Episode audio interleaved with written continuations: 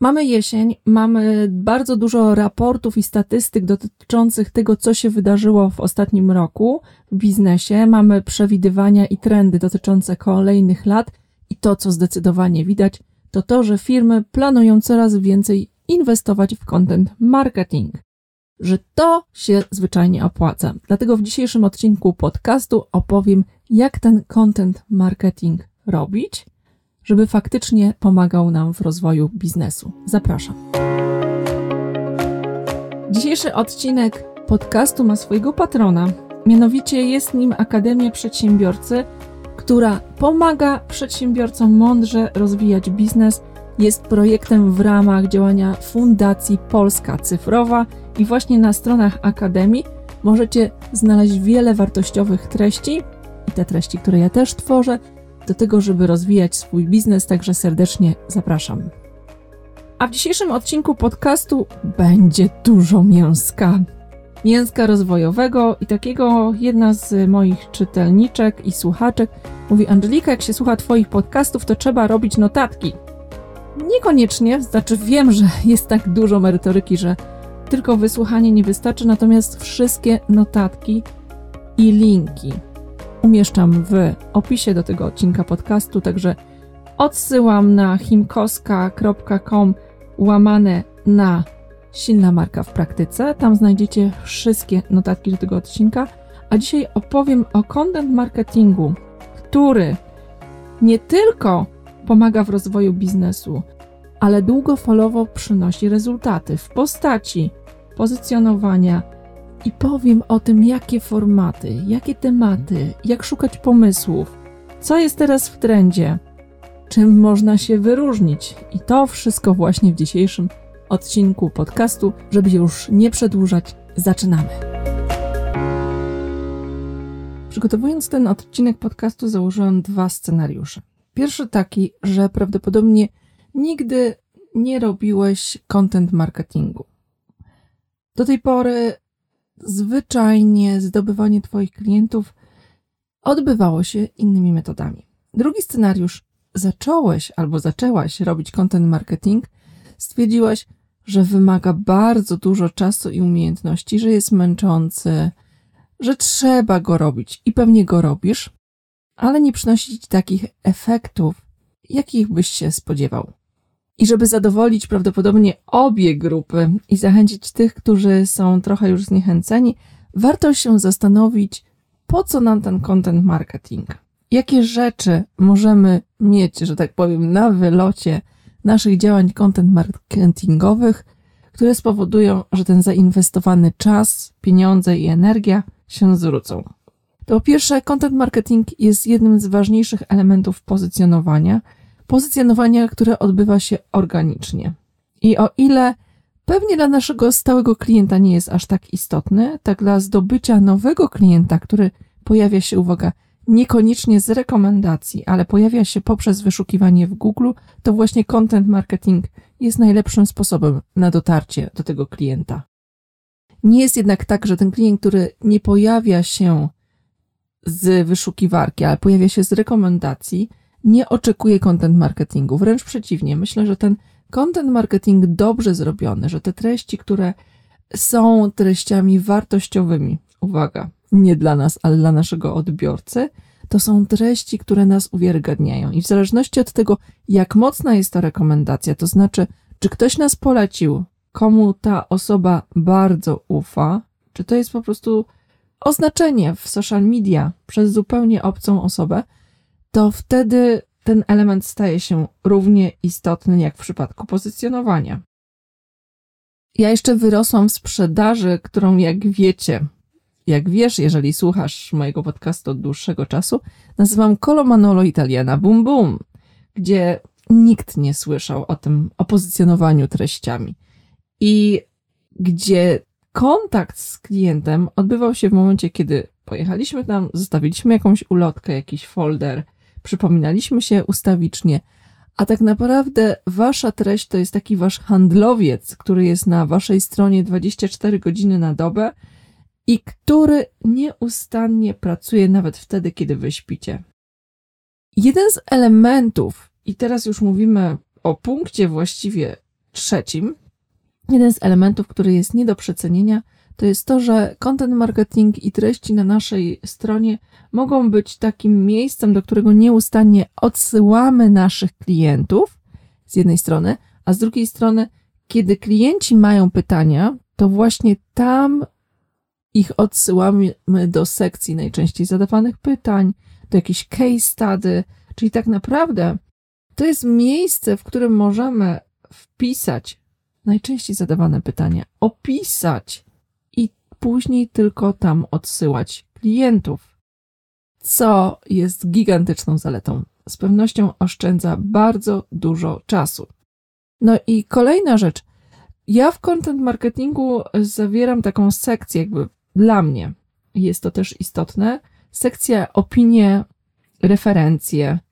I w tym znaczeniu jest to niedocenione, niedocenione, nieocenione, bardzo istotne, dlatego że nasze decyzje zakupowe, które podejmujemy w internecie, są głównie oparte o opinię, jeżeli ta nasza rekomendacja nie jest bardzo silna, albo jeżeli nie mamy do czynienia z monopolistą i tak naprawdę klient nie ma wyboru, no to te opinie innych użytkowników, szczególnie jeżeli oni wydają nam się podobni do nas, mieli podobne problemy i osiągnęli podobny sukces, którego my szukamy, no to to jest ważny element. I content marketing, referencje, które zbieramy, albo komentarze, które się pojawiają, dyskusje, to jest ten element, który naprawdę mocno nas uwiarygadnia.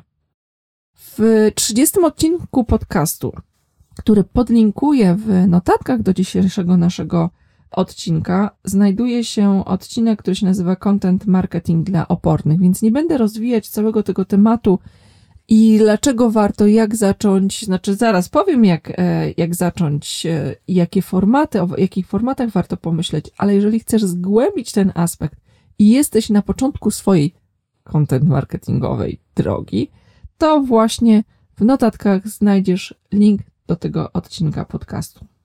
Jeżeli pomyślałeś, dobra, Angelika, przekonałaś mnie, startuję z tym content marketingiem, od czego mam zacząć, to powiedziałabym, pomyśl o formatach.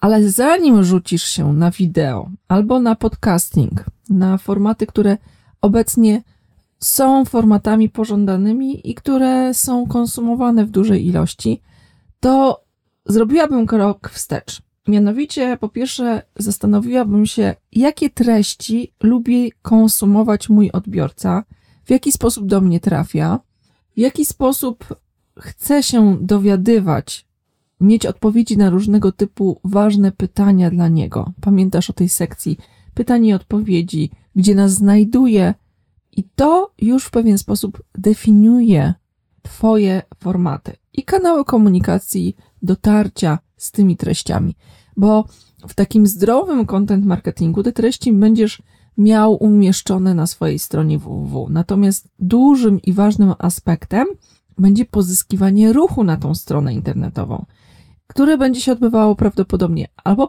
poprzez reklamy, albo poprzez umieszczanie treści w social media i ja lubię myśleć o tym w takich kategoriach, że jest treść główna, nasze miejsce główne, na które ściągamy ruch i są treści orbitujące.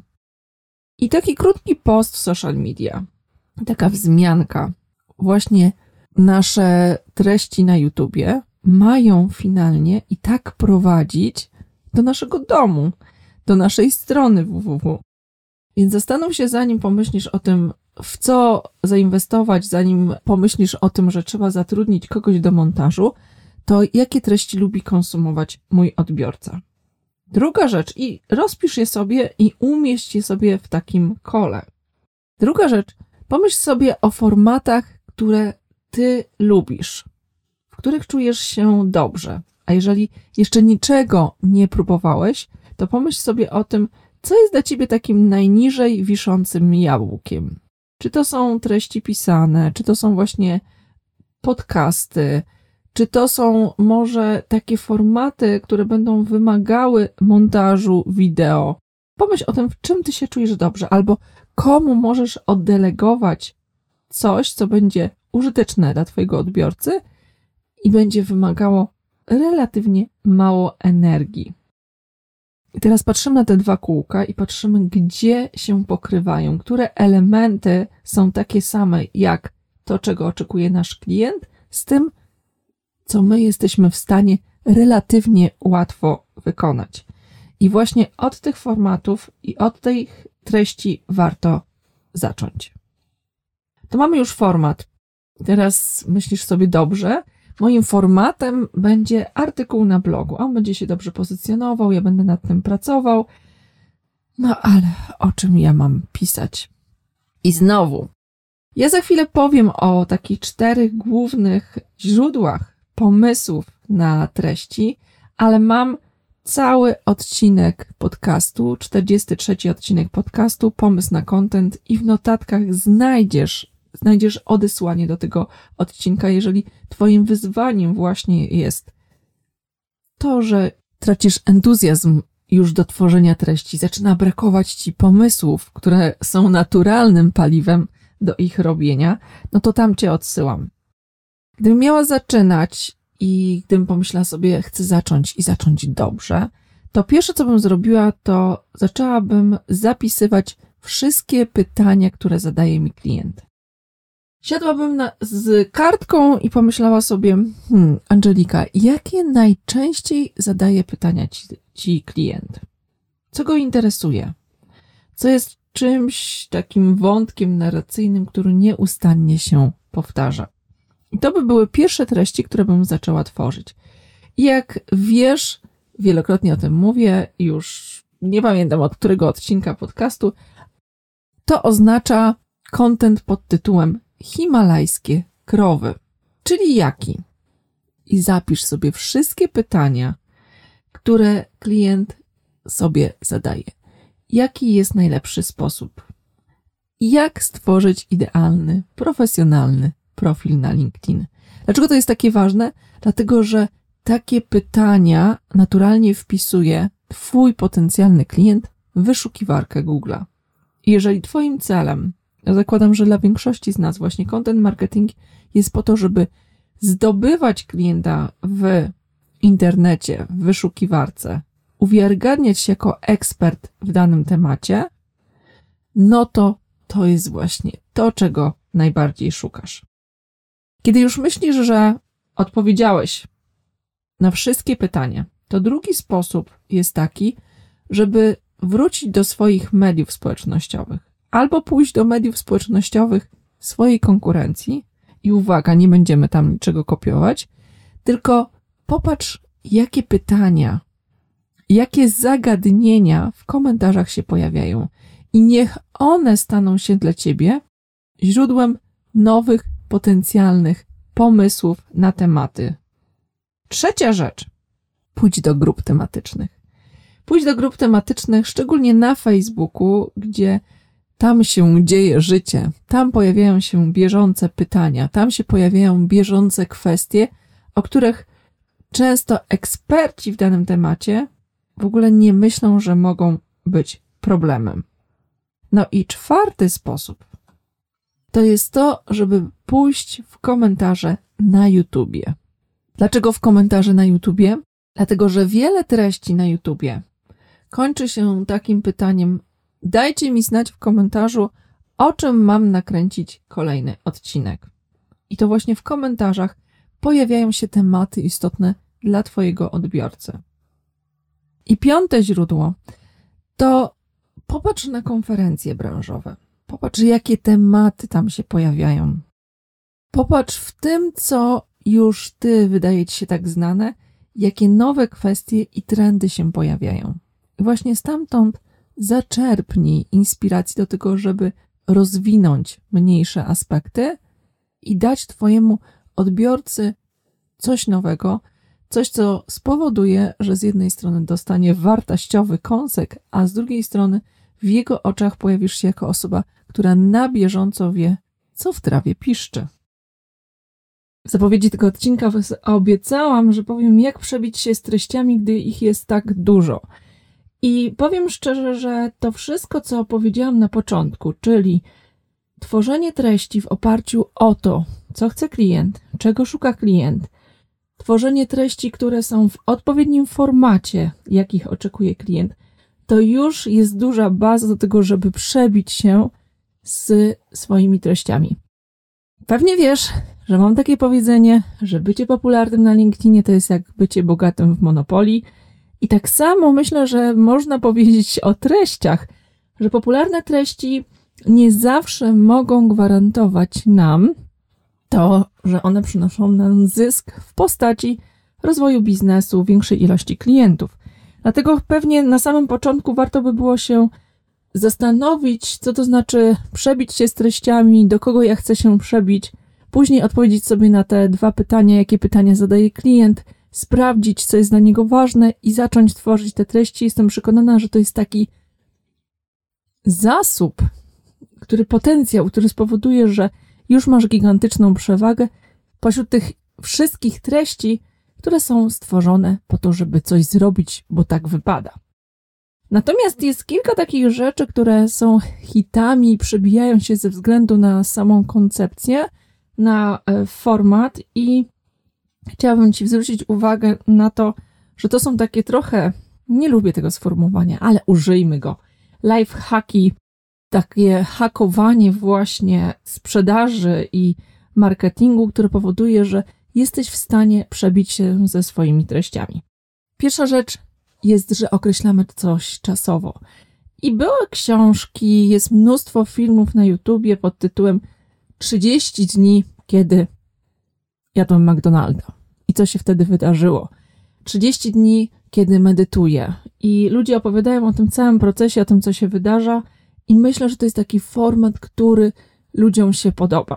Sam format, który powoduje, że ja jestem ciekawy, hmm, sprawdźmy, co się wydarzy. Bo za tym stoi jaki komunikat? Co się ze mną wydarzy, kiedy ja się zdecyduję na to, żeby zaufać i używać Twojego rozwiązania, myśleć w Twoim stylu. To jest taki pierwszy z formatów. Druga rzecz, porównania. ja wiem, że biznes boi się porównań, że biznes boi się porównania siebie do konkurencji, że nie chcemy obniżać swojej wartości albo podpowiadać klientowi, gdzie mógłby jeszcze pójść, tak jakby klient w ogóle tego nie wiedział. Powiem ci, że na pewno to wie. I to nie jest żadna tajemnica.